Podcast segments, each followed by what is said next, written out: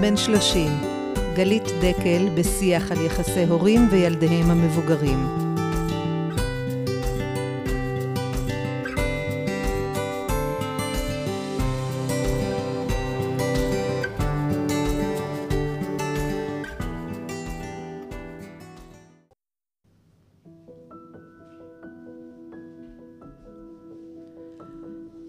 ושוב שיחה פשוטה בינינו התלקחה והפכה למדורה יוקדת.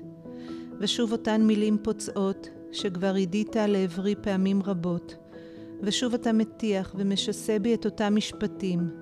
שלא עשינו די, שתמיד היית בסוף התור, ואיך לא הבנתי מה אתה צריך, ואיך הורים יכולים להיות כל כך אטומים.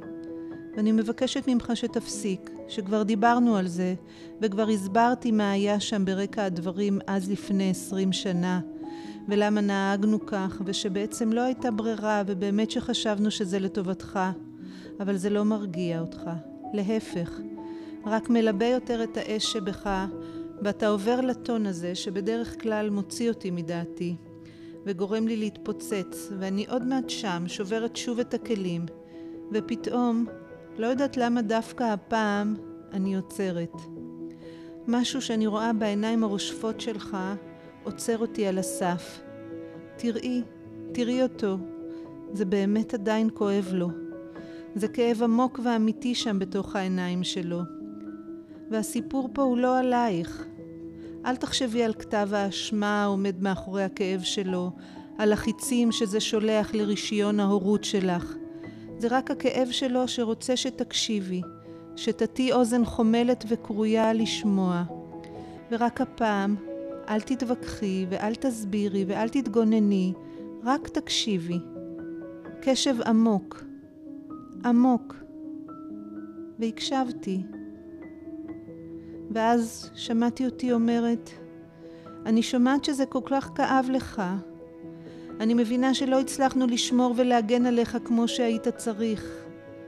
פתאום אני מבינה כמה בודד וחשוף הרגשת. ואז הבנתי שלהכיר בעומק הכאב שלו מפלח את ליבי וקשה לי כל כך, אבל זה החסד שאני יכולה לעשות איתו כרגע. הרכינה שלי לפצע שלו והמוכנות שלא להסיט את המבט ולקחת אחריות היא החסד ההורי שאני יכולה לעשות עבורו. והיא חלק מהחוזה הנשמתי שלנו כשהסכמתי אי אז להיות האימא שלו, והסכמתי להיות העיניים והמכל שיפגשו את הכאבים והפחדים שלו. ואני מתפללת בן שלי שיהיה זה רק חלק, שזה יהיה, יהיה זה חלק מתהליך הריפוי שלך, ושאזכה בסליחתך. ולא רק עבורי אני מבקשת, עבורך, שהרי להיות כלוא במיצרי הכעס וההאשמה האלו, מסבך את החבל סביב רגליך, משקע אותך בבוץ ומונע ממך לנוע. והלוואי שתסלח, והלוואי שתנוע, והלוואי וחוט החסד הזה יימשך ביני ובינך, ואולי ביום מן הימים תוכל להקשיב בחמלה גם לסיפור שלי.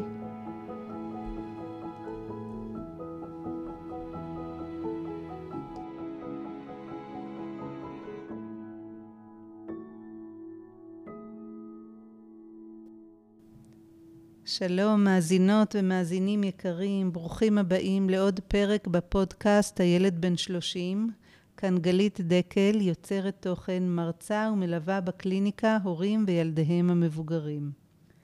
אני שמחה לארח כאן הערב שוב את הגברת עליזה חושן. עליזה היא בעלת קליניקה ברעננה ובעלת המיזם משפחה למרחקים ארוכים. ומפתחת המודל תנאים של חיבה יחד עם דפנה ברקת. עליזה כבר התארחה פה ואני שמחה לארח אותה שוב. שלום עליזה. שלום, אני שמחה להתארח שוב. כן.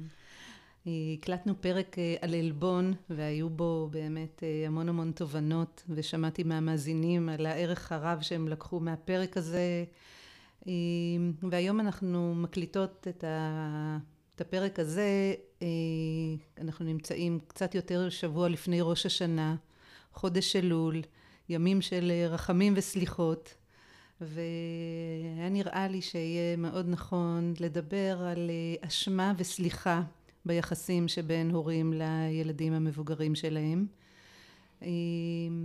ובזה נעסוק היום. אז כן, מה נאמר? אני חושבת שכן, זה נושא שמעסיק הורים וילדים כל הזמן.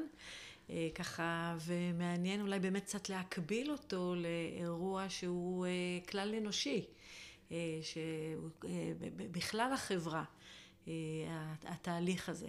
אבל הוא גם דומה, וגם יש לו מאפיינים מאוד מאוד ייחודיים, okay. אוקיי. בגלל מאפייני הקשר שבין הורים וילדים מבוגרים. כן. אז בואי נתחיל. אשמה, אני חושבת, רגשי אשמה, כמה קל לנו, אה, כולנו מכירים את הרגש הזה, בטח כאשר זה נוגע אה, לילדים שלנו. כן, אז קודם כל רגש לא נעים. אנחנו לא אוהבים להרגיש אשמים, ממש כן. לא אוהבים שמאשימים אותנו. אה, וזה רגש אה, ככה שהוא באמת אה, מנת חלקם של הורים שמרגישים הרבה פעמים מול איזשהו רצון ככה לעשות את, ה, את העבודה הטובה ביותר ולתת את הערך הרב ביותר. הרבה פעמים מוצאים איזשהו פער בין הרצון הזה לבין חוויה שקורית בפועל ומתעורר שם רגש של אשמה. כלומר, כשיש איזשהו פער בין מה שאני הייתי רוצה שיקרה למה שקורה בפועל. יכול להיות מבחינת ההתנהגות שלי, יכול להיות מבחינת הרגשות שעולים בי, ויכול להיות מבחינת המחשבות שיש לי. כשמתקיים הפער הזה אנחנו נחוש אשמה, בהורות הצעירה זה מאוד מאוד מאוד רווח. אה, נכון, הורים מרגישים אשמים אולי אם הם לא מאכילים את הילדים שלהם באוכל מספיק בריא, ואם הם לא מספיק אולי משקיעים בלימודים שלהם, או צועקים עליהם או משתלחים פתאום ככה באיזה חמת זעם. מאבדים את הסבלנות. ממש. כן. או כן, אה, לא, לא באמת קשובים כשילד משתף במשהו ועסוקים בטלפון או במחשבות אחרות. אז, אה, אז באמת הפער הזה, מה שיציף אותו זה הרגש הזה של האשמה. ואנחנו רואים שלאשמה יש תפקיד, התפקיד שלה הוא לעורר אותנו, הוא לס... לגרום לנו לחוש איזושהי נוחות מתוך כוונה לעשות איזושהי כן. פעולה מכווננת טוב יותר, אה, מתקנת, אה, לקחת אחריות אה, אולי במקום ששמטנו אחריות. אז יש לה איזשהו תפקיד, כן, אבל הרבה פעמים הרגשה פשוט לא נעימה. כן. זה, זה קצת אה, אה, מין פרדוקס כזה, איך התפקיד הכי תובעני והכי אה, קשה שהוא 24-7, שהוא אה, תפקיד כל כך, שמבקש את כולנו כל הזמן, בלי אה, שבתות וחגים ובלי חופשות. ואנחנו, ועדיין מה שמתלווה אליו הרבה פעמים זה, זה רגשי אשם. יש כאן ככה משהו ש... תראה, ש... אני, אני אגיד שהפסיכולוגיה מאוד עזרה לרגש הזה להתלבש מאוד מאוד חזק על הורים. תכף אנחנו נראה האם יש mm-hmm. באמת uh, קבוצות מסוימות שיותר מרגישות אשמה מקבוצות, כן. למשל האם נשים מרגישות יותר אשמה מאבות. ברור, נכון, לא. לא, נכון, כי אם זה רגש אוניברסלי וככה, ו, ובא ממש ממש מבפנים, אז היינו, האם יש אנשים שיותר נוטים לחוש אשמה, פשוט בגלל מבנה האישיות שלהם, מאשר אנשים אחרים שהם הרבה יותר באיזי, הרבה יותר סלחנים mm-hmm. כלפי עצמם. אז אבל, אבל אנחנו כן רואים שעל קבוצת ההורים מתלבשת אשמה. היא, היא גם באה בגלל הלימוד המצטבר והחדירה של פסיכולוגיה אה, לתוך ה, אה, החברה, שבאמת שמה על ההורה הרבה מאוד, הרבה מאוד צריך והרבה מאוד... אה, אה, גם שאם הוא לא עושה משהו ראוי או נכון, אז אה, יש לדברים האלה השפעות והשלכות על, על הצלחה של ילדים, על ה-well-being שלהם, על בעיות אה, שמתעוררות בחיים שלהם. אז שם כל כך הרבה, כן. אז אתה אפילו ככה וויניקוד שאמר, אם טובה כן. דייה, כשאתה מסתכל מה זה אם טובה דייה, כל כך מכווננת ומוכנה להשעות את הצרכים שלה ו- ומדויקת, אז אתה כבר שם נמצא ב... מול האנושיות, פשוט בחוסר יכולת לעמוד אה, בדבר הזה. אז, אה, אז ודאי שהפסיכולוגיה מאוד מאוד תרמה להתפתחות של רגש האשמה אצל הורים. כן. ו, ו, ועוד הרבה, אנחנו נראה שזה רגש מאוד חברתי, הוא קשור ככה, לקאן אמר שזה הרגש שאנחנו משלמים על המחיר של השתייכותנו לחברה. ולכן אנחנו נרגיש מאוד חזק, למשל, אם נדבר על נשים, כן, נכון? אז אה, נשים, אה, אה, יש להם שתי כוחות שפועלות עליהם בעידן המודרני מאוד חזק, אחד זה הפמיניזם, שרוצה להוציא אותם למימוש כן. עצמי, להגשמה, לחיות את החיים, לתפוס את המקום שלהם בקהילה, והורות שמחזירה אותם הביתה ו, ו, ומטעינה את התפקיד הזה בכל כך הרבה חשיבות וכולי. אז אם אתה תהיה יותר לתפקיד הזה, אתה תעשה פה פחות, ואז פה תרגיש אשמה, והפוך, אם את תהיי מאוד מאוד אולי בבית, אולי תרגישי אשמה על זה שאת לא מספיק ממצה את עצמך, אה, לא מספיק אה, אה, כן. עוזרת לנשים לתפוס mm-hmm. את המקום הייצוגי כן. שלהם, המוביל שלהם. אז כך או כך אנחנו לא יוצאים ראש מה, מהרגש כן. הזה. הזכרת קודם את האשמה בתור איזשהו רגש שאולי עוזר לנו, או עשוי לעזור לנו להתקדם. אה, והייתי רוצה כך שתדברי, כי אני חושבת שיש לו, אה, הוא לפעמים גם עשוי לתקוע. לגמרי. אז תראי, האשמה זה רגש, ככה פרויד אמר, זה בשירות ההתפתחות שלנו. זאת אומרת, קודם כל נראה שאנחנו רוצים שבני אדם ירגישו אשמה. אנשים שלא מרגישים בכלל אשמה, הם יכולים להיות באיזושהי צרה צרורה. זאת אומרת, זה חלק מתהליך התפתחות של בן אדם, החל מגיל מסוים. כשתינוק אה, מפרפר את אימא שלו למוות, הוא לא מרגיש שום אשמה. כן. או שהוא מונע ממנה שינה, או שהוא תובעני מאוד כלפיה, הוא לא מרגיש שום אשמה. ככל שהוא יגדל, הוא יתחיל לחוש את האימא הזאת. הוא, אה, אם הוא יבעט בה והוא יראה אותה נעלבת, זה, זה ירגיש לו לא טוב.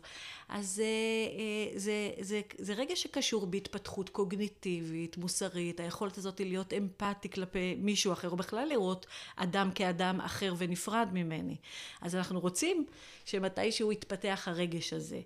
אנחנו כן רוצים יחס אה, מיטיב עם הרגש הזה, ובאמת עם הרגש הזה חלק מהאנשים מפתחים יחס מאוד לא מיטיב, באופן שהוא משתלט עליהם, אה, הופך להיות... אה, אה, כזה שככה אה, מכביד מאוד, מייסר מאוד, ובעיקר לא עושה את מה שרגש, כשהיחס שלנו טוב איתו, הרגש הזה, התפקיד שלו זה להביא אותנו לקחת יותר אחריות ולעשות תיקון איפה שאפשר.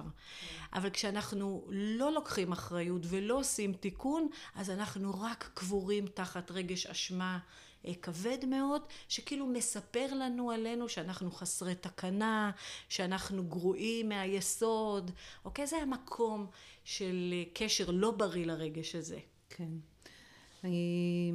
זאת אומרת שככה אם אני מסכמת, אז האשמה יכולה לייצר בנו איזה שהן תובנות כדי להבין איך אנחנו יכולות לשפר, יכולים, יכולות לשפר ולהיטיב אה, התנהגויות, אה, דפוסים, אה, דרכים שאנחנו מגיבים להם, אני כאן כרגע בנוגע להורות, ויכולה גם לגרום לנו לשקוע תחת נטל האשמה, הביטוי הזה נטל הוא משהו ככה כן.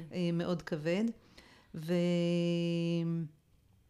בעצם אה, אנחנו, בואי ניקח, נעבור קצת עם האשמה על הגילאים שאנחנו מדברים עליהם, אה, על הילדים הבוגרים, אה, מבוגרים שאנחנו מדברים עליהם, ו, ולראות איפה היא באה, איפה... אז תראי, האמת היא שהיא מתחפשת ככה בכל מיני וריאציות. המקומות הפחות טובים זה הורים שמתקשים לתקשר את הרצונות שלהם ומפעילים ילדים דרך רגש האשמה. אז לא אכפת לך מאיתנו? טוב, אז שכחת mm-hmm. ממני, אוקיי? זה משהו שמפעיל את רגש האשמה. את רגש האשמה של הילדים. נכון, משהו קצת כזה מניפולטיבי. Mm-hmm. אנחנו מוצאים הרי הרבה פעמים שילדים מאשימים את ההורים, כן. אה, בעיקר על מה שנראה להם אה, מחדלים בעבר, אה, התנהגויות שיצרו אחר כך כל מיני כאבים וקשיים ומקומות תקועים בחיים שלהם. אמ, אז אנחנו, אנחנו מוצאים את הרגש הזה אה, פועל בכל מיני צורות, הרבה האשמות, אה, גם, אה, גם הורים שפועלים מתוך איזה רגש של אשמה, שהם לא עד הסוף באמת נותנים מקום לרצון שלהם לעשות את, ה, את הצרכים שלהם. אמא יכולה להגיד, איך אני יכולה לנסוע לטיול כזה גדול בחו"ל, כשהבת שלי עכשיו התגרשה והיא במצב כלכלי מאוד קשה. Mm-hmm. כן, זאת אומרת, אנחנו רואים שהרגש הזה, יש לו ככה כל מיני אה, צורות ותחפושות, אה, ולכן צריך להבין שה... אה, רגש האשמה הוא סוג של wake up call, משהו שמעורר אותנו לבחון משהו במערכת היחסים. אבל הוא הרבה פעמים הצד הבעייתי שלו זה שהוא רגש מאוד דיכוטומי של בסדר ולא בסדר, נכון ולא נכון, צודק וטועה, שחור ולבן. אה, הוא לא לוקח בחשבון את כל המורכבות של החיים ואת ה, את זה שפועלים פה דברים שונים אה, mm-hmm. וכולי. אז אה, אנחנו, אנחנו צריכים ככה לראות אה, איך אנחנו קצת עושים סדר בתוך הרגש הזה, שמצד אחד, איזה יופי, כנראה חדרנו למרחב של הילד אה, או הבן או הבת הגדולים שלנו, והרגשנו כל מיני תחושות שלהם, או צרכים שלהם, או רצונות שלהם, אה, ויש לנו איזושהי אמפתיה. ומצד שני, זה, יש איזושהי מורכבות שאנחנו צריכים לתת לה איזשהו מקום. אה, ו- ולראות איך אה, הרגש הזה הוא לא בהכרח המורה הנכון ביותר על מה צריך לעשות. צריך לזכור שהרגש הזה הוא גם מאוד מאוד, זה רגש חברתי, כן? נשים במאה ה-18, אם הן אה, קיימו אקט מיני לפני נישואים, הרגישו רגש אשמה איום ונורא. נשים היום לא ירגישו שום רגש של אשמה. זה לא שזה באמת איזה אמת אבסולוטית, אלא אנחנו מפנימים את הציוויים כן. החברתיים, את ה... שזה מושפע מהרבה מאוד דברים. אה, ולכן זה לא איזה רגע שהוא האמת הקדושה, אלא הוא מעורר אותנו, אנחנו צריכים להגיד תודה שהוא מעורר אותנו, לבדוק אה, מה, לקחת אחריות, לא רק על הילד, גם על החיים שלי, גם על עצמי, אה, ולראות האם יש פה איזה מקום לעשות איזשהו תיקון, איזשהו עדכון. האם נכון יהיה לומר שהאשמה ביחסים בין הורים וילדים מבוגרים מתאפיינת בזה שפעמים רבות הילדים רואים את הוריהם אשמים בדברים שכבר היו בעבר והם לא רלוונטיים היום ולכן גם לא ניתן לעשות להם תיקון.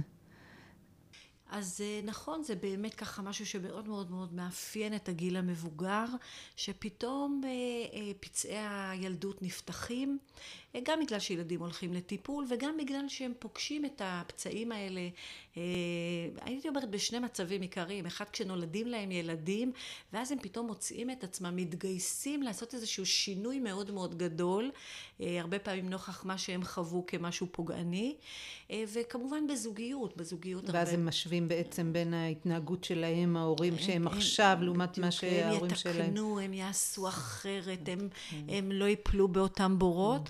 אה, וגם בקשר הזוגי שבו אנחנו בעצם מאבדים הרבה פעמים את הטראומות שנוצרו לנו באחד מהקשרים עם ההורים שלנו.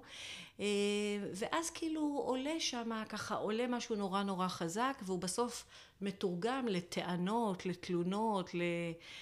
איזה כתב דין mm-hmm. כזה על ההורים, וגם להאשמות, אתם ובגללכם.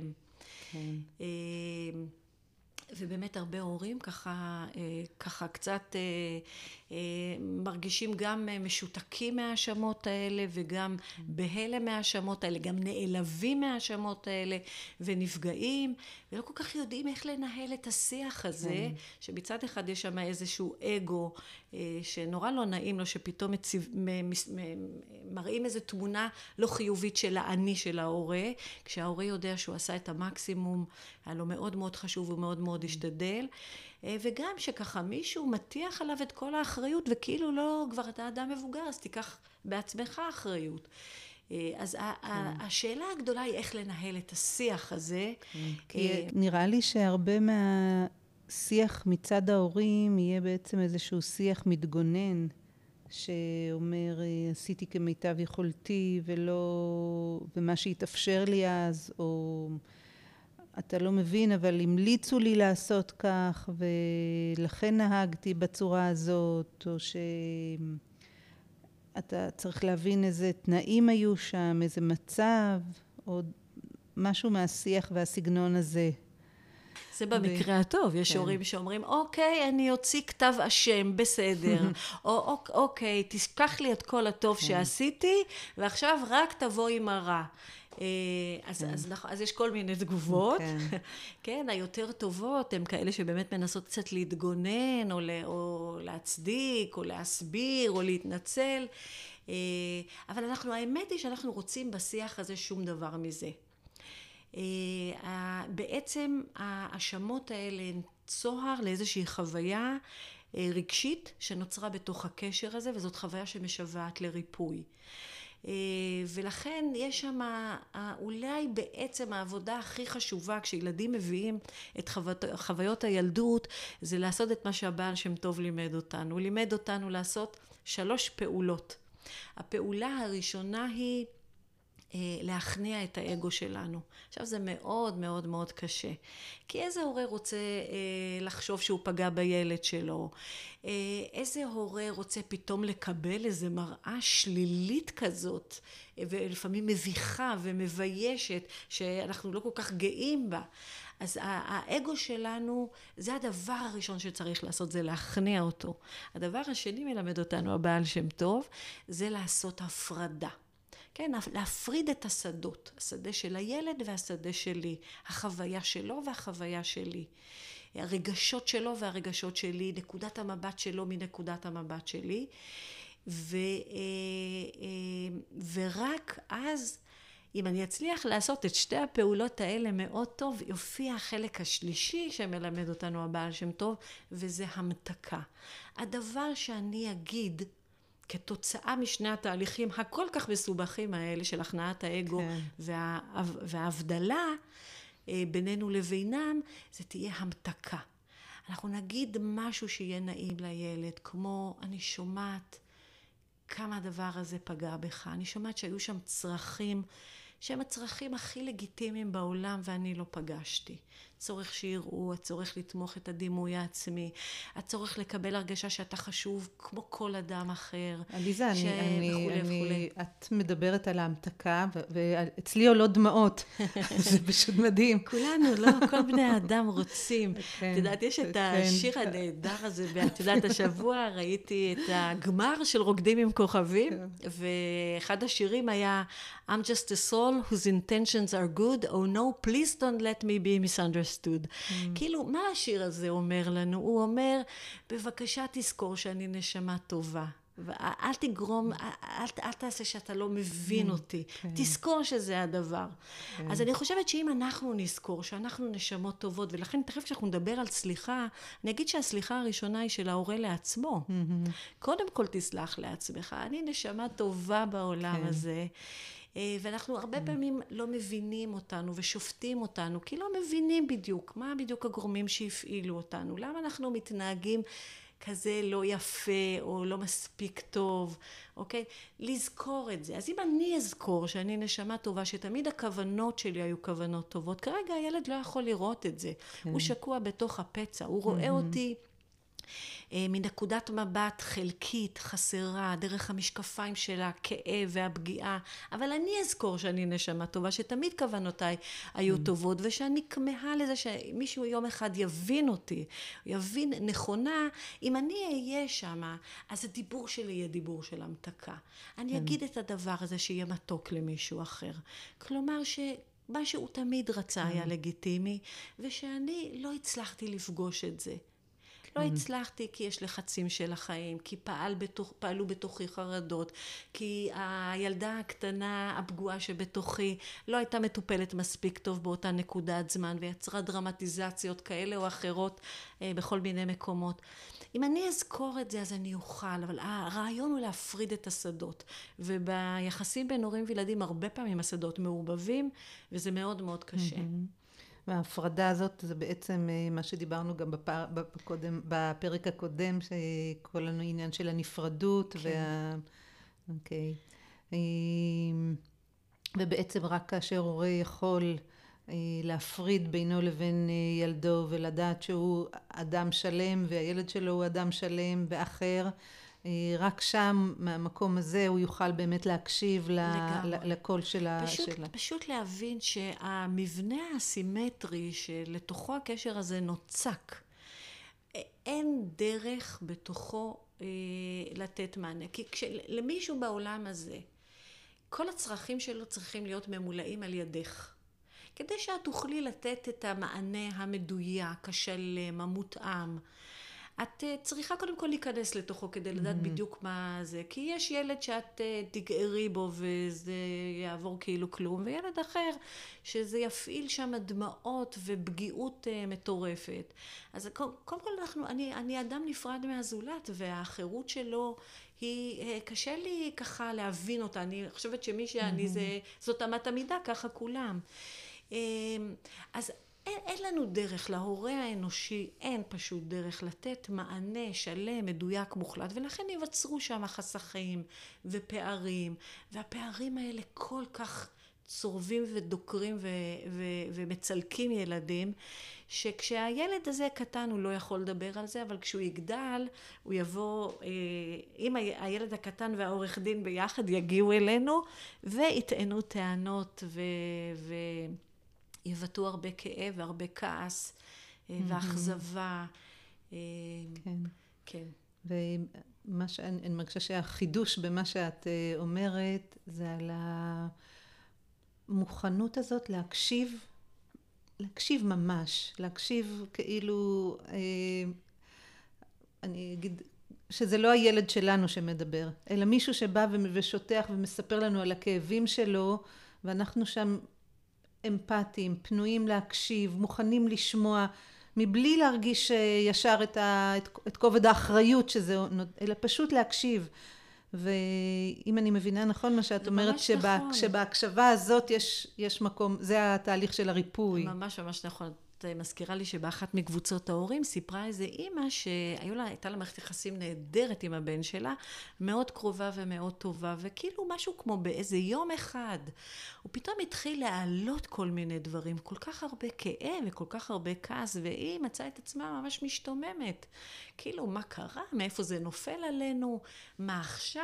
למה? ואוי ואבוי, זה הורס לנו את, ה, את היחסים וכולי, אבל הייתה באיזו אינטואיציה מאוד חזקה, שכל מה שנדרש ממנה זה להקשיב.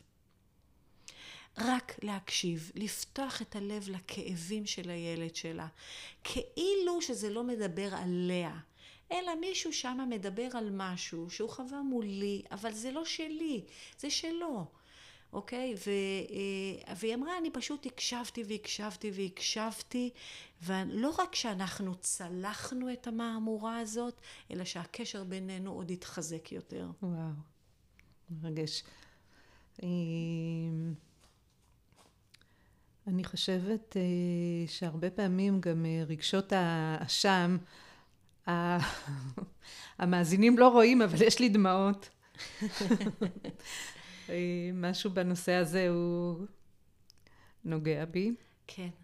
אנחנו צריכים ללמוד להרפות מרגש האשם לטובת השיחות האלה שאנחנו מדברים עליהן, משום שכשאתה מרגיש אשם, it's about you. כן. אתה תופס המון מקום במרחב. ואנחנו מדברים בשיחות האלה שהדבר שאמור להוביל אותן זה ריפוי של הילד, כשלהורה יש איזו יכולת לתת שם מתנה, כי הוא היה שותף למה שקרה, ואם הוא יכול לחזור אל החוויה הזאת בלי הרגש אשמה הכבד הזה, אה, ואז כאילו המקום, המרחב הוא של הילד, החוויה היא של הילד. וואו, ולכן זה, הרבה איזה פעמים... תפיסה... אה, כן, הרבה פעמים אני אומרת כן. להורים, כשהילדים מטיחים בכם כל מיני דברים, אה, למה הם היו חשופים בבית, לאווירה, לזוגיות, ללחצים הכלכליים, או כל מיני טענות, אה, באותו רגע בפנים פשוט תסלחו לעצמכם. Mm-hmm. וככל שאתם תסלחו לעצמכם, אתם תפתחו את המרחב לריפוי של הילד. זה כבר לא מדבר עליכם יותר. Mm-hmm. Okay, אוקיי? זה מדבר על הילד ועל תהליך, המקום שבו הוא משווע לריפוי, יותר מאשר הוא משווע לאיזה תוכחה, או להגיד לכם, להכאיב לכם, או לפגוע בכם. הוא פשוט משווע לריפוי. כן. אה, אני חושבת, אה, את, אה, כאילו דיברנו על, על הילדים שמטיחים בנו, אבל בדיוק השבוע הגיע, הגיע אליי הורה שיש לו שני ילדים עם רווקות מאוחרת, אה, והוא ככה מאוד עסוק ומודאג אה, בגללם. והוא בעצם מאשים את עצמו שהזוגיות שלו עם אשתו היא הייתה כזאת אה, כל כך אה, קונפליקטואלית, עם הרבה מריבות, והוא מרגיש שיש לזה חלק גדול ומשמעותי ללמה הילדים אה, עדיין לא מצאו בני זוג. וזה רגש אשמה שהוא ממש נושא איתו. אז זה הדבר שאני רוצה קודם כל להגיד, שרגש האשמה יש בו משהו פשטני. בסדר? כן. הוא מחלק את החיים לזה עשה וזה קרה. כל כך הרבה דברים פועלים שם. עכשיו, אני לא רוצה לצמצם את זה, שלפעמים באמת מה שגורם לחשש אה, אצל ילדים מבוגרים להינשא, זה שהם היו חשופים לאתגרים או לאיזשהו מודל קצת יותר אה, מורכב. אני לא, אני לא רוצה להוריד את זה, בסדר? אבל גם פועלים כל כך הרבה דברים, בסדר? כל כך הרבה דברים זה ברמה לא מודעת. אה, ש, שמשפיעים על הדבר הזה. זה כאילו לבודד את זה לדבר אחד, אבל בעיקר מה זה עושה? זה אני מרגיש רע, ואני גם חסום שמה, ובעיקר, אז אני בעיקר מתפלש ברגש הרע הזה. כן. ו... שיוצר תנועה בעצם, שלא לא, לא, לא מקדם לשום מקום. ממש, כן. ממש. Mm-hmm. אין, זה באמת רגש שתוקע התפתחות mm-hmm. של כולם. אה, עדיף דווקא לדבר על החוויה, לפתוח את החוויה ולראות מה נמצא שם. יכול להיות שבאמת אה, אה, החוויה הלא מיטיבה יצרה הרבה חשש, ויכול להיות שזה גם דברים אחרים. Mm-hmm. ואפשר גם באמת לדבר על ה... שבאמת להורים יש הרבה השפעה, ושהחוויה הזאת יכולה להיות באופן כזה או אחר. עדיף, כשאנחנו מלאים ברגשות אשם, היכולת שלנו לתרום לשיח הזה היא מאוד מאוד נמוכה. כן. אני חושבת ש... אמ, תראה, זה לא סתם שאנחנו מחברים כל הזמן, אה, הייתי אומרת, אשמה. כשאשמה, הרעיון הוא לחבר אותה לאחריות ולתיקון. לא להשאיר אותה כאשמה, זה לא הכוונה שלה. הכוונה שלה לעורר אותנו לקחת אחריות ולייצר חוויה של תיקון. התיקון מתרחש בתוך הדיאלוגים האלה. אלא מה? אנחנו רוצים, אני חושבת שהתלמידה של מלאני קליין, חנה סגל, טבעה את, ה, את ההבחנה בין המונח של תיקון אמיתי ותיקון מעני. מה זה תיקון מעני? זה יאללה, אני אבקש סליחה והם מהר יסלחו וכולי. תיקון מה? מאני, מאני מלשון מניה. 아. אה. כן? Okay. אוקיי. בתזזית כזאת. הרבה פעמים אנחנו עושים את זה בין ילדים קטנים. טוב, יאללה, תסלח לאח, לאח כן. שלך. אז הוא עשה משהו בסדר, אז יאללה, תסלח לו ונמשיך הלאה ונחזיר את כן. הדברים לקדמותם. ולא, בחיים, אגב, זאת הסיבה למשל שבאמת ביום כיפור אנשים יכולים לבקש ממש ממש סליחה, ויום למחרת לא, שלא יקרה בזה כלום. אז כי אם הדבר לא עובר תיקון, אוקיי? אז אין סיכוי שאנחנו לא ניפול עוד פעם ועוד פעם. אז אנחנו רוצים את התיקון האמיתי שהוא עובר דרך ליבון ודרך ברור. למשל, אה, שבין היתר ילדים יוכלו להבין אה, למה, למה בזוגיות היו שם כאלה קשיים. זאת אומרת שהתפתח דיאלוג אמיתי וכן, וגם להיות באמת, להבין איך זה השפיע עליהם. איך זה היה בשבילכם, לא כי אני יודע את התשובה כן. ומיד אני מחליט שפגעתי בכם, אלא אה, לשתף, לבוא ולהגיד, אתם יודעים, אני ככה רואה שמשהו מתאחר כאן, לפחות בהבנה שלי, יכול להיות שלא מתאחר, וזה ממש עונה לקצב של, ללוח זמנים שלכם, או, ה, או הדורי הקיים, אני לא יודעת, כן?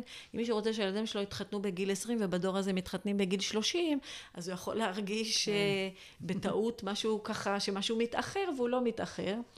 אה, אבל באמת להגיד שאני שואלת את עצמי האם, האם היה משהו בחוויה של הזוגיות שלנו שהייתם חשופים אליה בבית שאולי הפחיד או חסם או בכלל אני רוצה לשמוע כן. איך זה היה בשבילכם mm-hmm. איך זה היה בשבילכם לחיות לצד הזוגיות mm-hmm. הזאת ואז כאילו באמת לפתוח שם את הלב כן.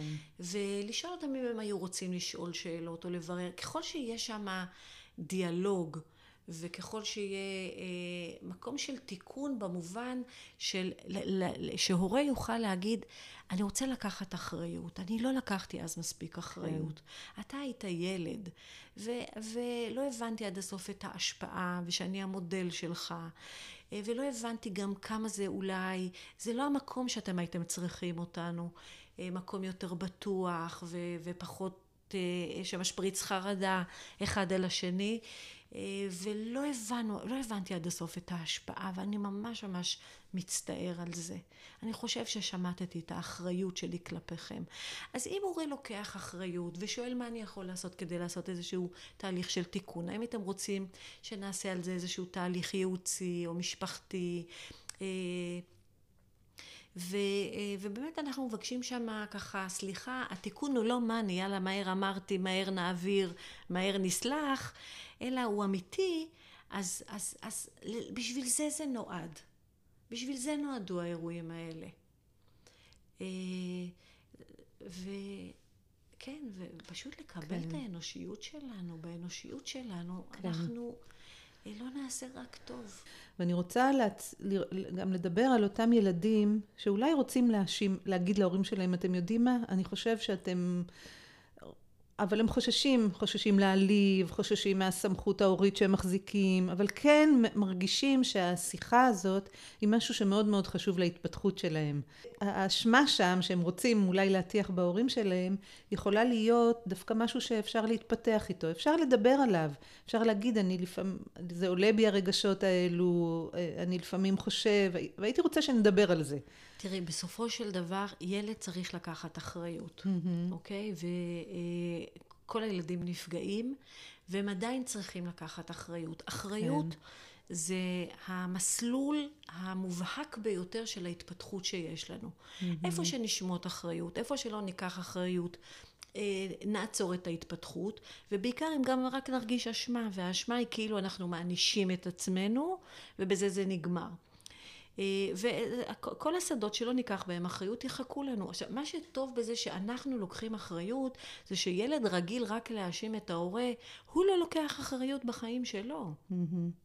זאת אומרת שכשהאחריות, כשהאשמה באה לבד, היא, היא בעצם אה, מסירה אחריות. אני, כן. אני רוצה אפילו כמודלינג, שההורה ייקח אחריות. האחריות, אתה היית אחר בתוך המרחב הזה, אתה היית ילד, אני הייתי המבוגר, ואני לא הייתי מכוונן מדויק ונכון לצרכים שלך.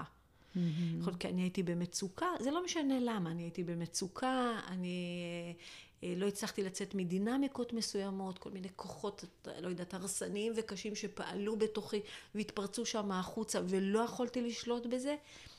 אבל זאת, אני שמטתי את האחריות שלי כהורה כלפיך. Mm-hmm. האחריות היא הייתה אולי באמת לקחת את הזוגיות הזאת לאיזה מקום שיש בו טיפול, לנסות להגדיר איך נכון להכניס את המתח לתוך המרחב המשפחתי, כך שהוא לא יפגע בילדים. אני לא יודעת, כל מיני דברים. אני לא ראיתי אותך כאחר. אני הורדתי מסך, אני, אני הייתי שקוע כל כך בעצמי, שלא ראיתי אותך. כן. ועל זה לקחת אחריות. וזה מתוך זה שאנחנו רוצים שהילדים ייקחו אחריות על החיים שלהם, יצאו מהמקום הזה של להאשים. אז אם הילד אומר, אתה אשם, אני אומר, אוקיי, אני אשם, נכון? Mm-hmm. נכון? לא, ההתנהגות הזאת לא הייתה הדבר המיטיב ביותר והנכון ביותר לך, ויש לדבר הזה השלכות. אני נורא נורא מצטער ומצר, ועכשיו בוא ניקח כולנו אחריות, ובוא ננסה לפעול מאיזה מקום של תיקון. כן. אמ, בואי נעבור לחלק של הסליחה. כן. אמ, המסע הגדול בחיים של ילדים מבוגרים. כן. ללמוד לסלוח להורים שלהם. זה אחת התנועות המשמעותיות והחזקות ביותר בתוך הקשר הזה. אה, לכאורה נראה לנו כאילו שיש ילדים שהם אה, סלחניים, מבינים, רציונליים, אין להם יותר מדי עניינים עם ההורים. לכאורה זה הילדים הטובים, הנחמדים האלה, נכון? הפסיכולוגים פחות אוהבים את החבר'ה האלה. הם הרבה יותר אוהבים את אלה שמחוברים לכאב ולכעס, כי, כי זה, זה, הם יותר עובדים אה, בתוך החומרים שלהם. אה, אנחנו, נכון, לסליחה יש כל מיני רמות, אז באמת, כאילו כשזה שכלתני, זה רק רציונלי, שכלתני, אז יש ילד שאומר, טוב, הם היו דור כזה, זה שמה שהם ידעו, הם פעלו בתקופה מסוימת, אה, פעלו לחצים כאלה ואחרים, הם היו, הם עשו את הכי, אני יודע שהם עשו את הכי טוב שהם יכולים, נכון? זה נשאר פה. Mm-hmm. זה אומר שהילד הזה לא מחובר לצדדים הרגשיים של המקומות של כל מיני דברים שנעשו ו- ופגעו בו. כן. הילדים שנלחמים בנו יותר, הם אלה שבעצם אה, אה, צריכים לפעול בתוך המקום הזה של המחילה. אבל שימי לב שהמילה מחילה בעברית, אתה מסובב אותה, קודם כל זה מלחמה. וזה משהו שקשה לעשות בו הלחמה בין שתי הסיפורים, בין שני הנרטיבים האלה. ו, והרבה פעמים יש לזה מש, ממש משמעות של מחלה. ילדים שחולים כל פעם שהם במפגש עם ההורים שלהם. אה, אבל יש שם, בגלל שהרגש נוכח מאוד מאוד חזק. אה, אז אנחנו, אה, אבל אני אגיד שאצל מרבית הילדים הסליחה היא המסע הגדול. לקבל את זה שההורה שלי הוא א', הורה אנושי, שהיו לו מגבלות והיו לו איכויות. כאילו לראות אותו באיזושהי צורה הוגנת, הוגנת יותר, להבין שכמו שאני מאוד מאוד פצוע מהפסיכולוגיה שלי מולו, גם הוא הגיע עם איזושהי פסיכולוגיה, אה, כל מיני הדברים שצמצמו כן. אותי במגע איתו, גם כל מיני דברים החלישו אותו וצמצמו אותו, והוא עשה את מה שהוא עשה או נהג כפי שהוא נהג, בגלל טראומות, פגיעות, אה, אה, חוויות כאלה ואחרות.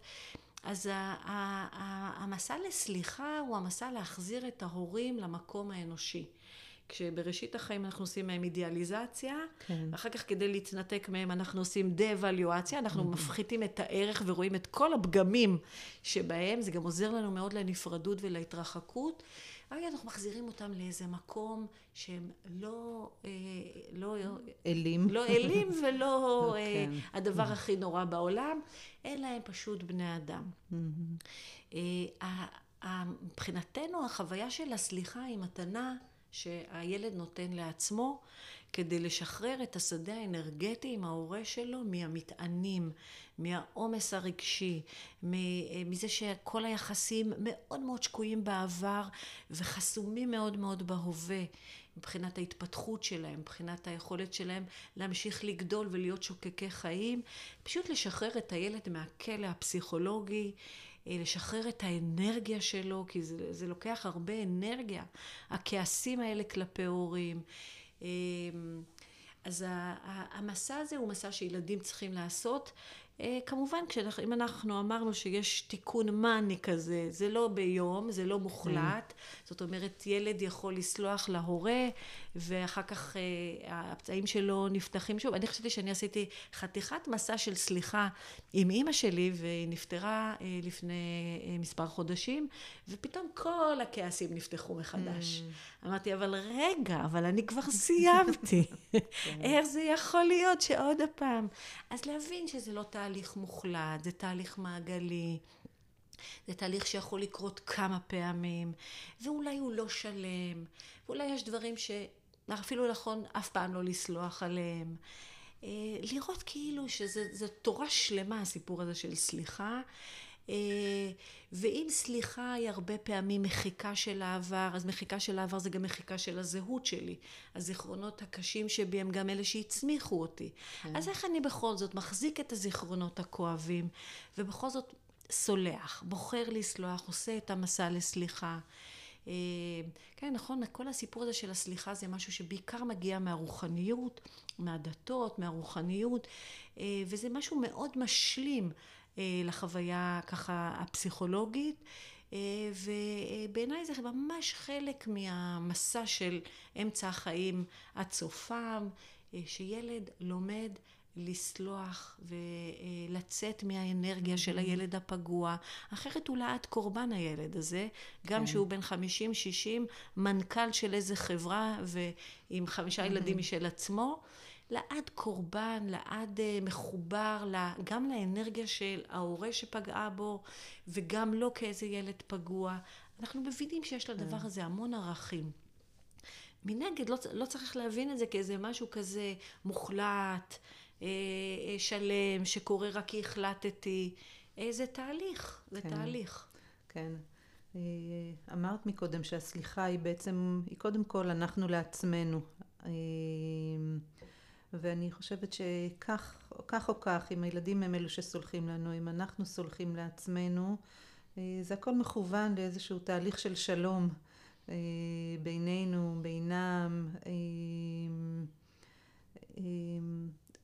בעצם אם דיברנו על האשמה, שזה עשוי להיות רגש שמאוד מאוד תוקע, אז הסליחה היא איזה רגש שמאפשר תנועה ומאפשר התקדמות ו... ממש ככה, ויחד עם זאת לא לראות בתנועה משהו ליניארי חד כיווני, כן. אלא לפעמים הוא מעגלי, לפעמים ספירלי, הוא נעצר ונסוג. כן. להבין שזה פשוט באמת באמת תהליך. אני רוצה לקחת את זה לעוד כיוון של הסליחה, של הסליחה של ההורה למעשים של, ה, של הילד שלו. אני בדיוק נזכרתי בשיר של לאה גולדברג לתמונת אימי, שבו בעצם הכותבת אומרת איך היא מגיעה שוב ושוב לאימה, איך אימה תמיד מוכנה לקבל אותה גם כאשר היא בעצם אה, בוגדת בה, לא חושבת עליה, אה, לא טמאת, לא רגזת, את באתי אלייך מדי יום ביומו ואמרתי תני, את הכל הבאת לי במו ידייך רק מפני שאני אני. ויותר ממני את, היום, את היום זוכרת את יגון ילדותי ונפשך כבר פתרה, עת תבוא אלייך הבת הבוגרת, היא תביא את ייאוש תוגתה שבגרה. אה, אז זה מקום אחר של סליחה, שבו בעצם הילדה, ברור לה שסליחתה של אימה תמיד אה, אה, תהיה שם עבורה.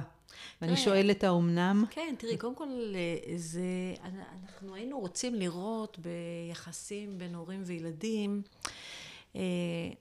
משהו מתפתח למקום הרבה הרבה יותר שווה. כאן יש לנו ממש ממש איזה מערכת יחסים חד-כיוונית כזאת, שההורה תמיד מבין ומכיל ומקבל, והילד יכול להיות קצת אגוצנטרי, רואה בעיקר את עצמו ואת הצרכים שלו. אני לא יודעת אם את קצת זוכרת את הביוגרפיה של לאה גולדברג, אז באמת הייתה שם אימא שקלטה, שבגיל 13 יש שם ילדה שכותבת ברמה של משוררת, והיא נתנה את כל החיים שלה כדי אה, להקדיש לבת הזאת.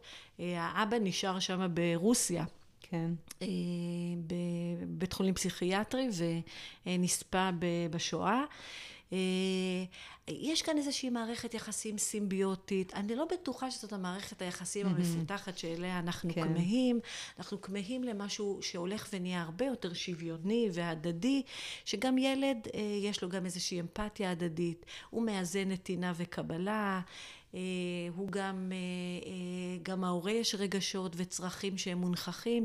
זה נראה כאילו האימא שמה כן. באמת קצת מחקה את עצמה.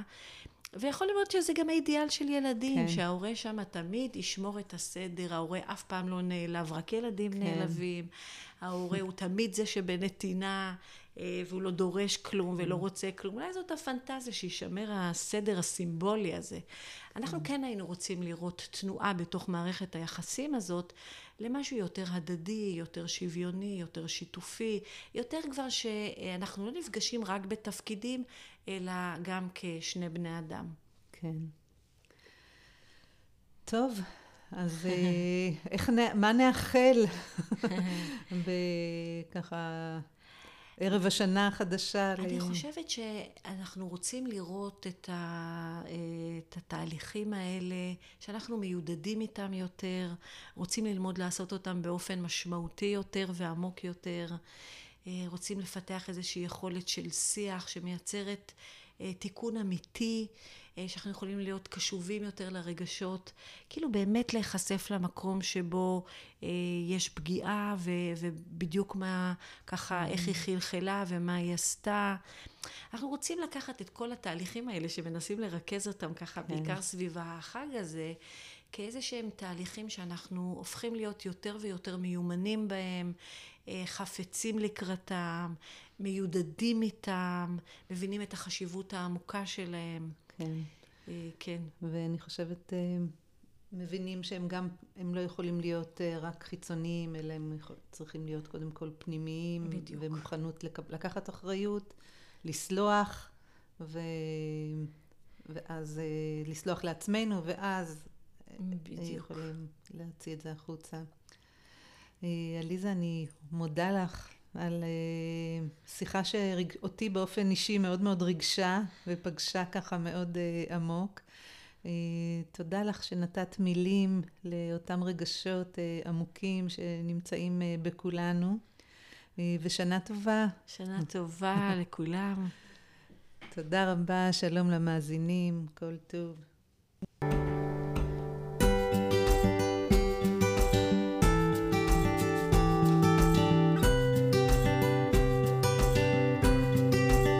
בן שלושים, גלית דקל בשיח על יחסי הורים וילדיהם המבוגרים.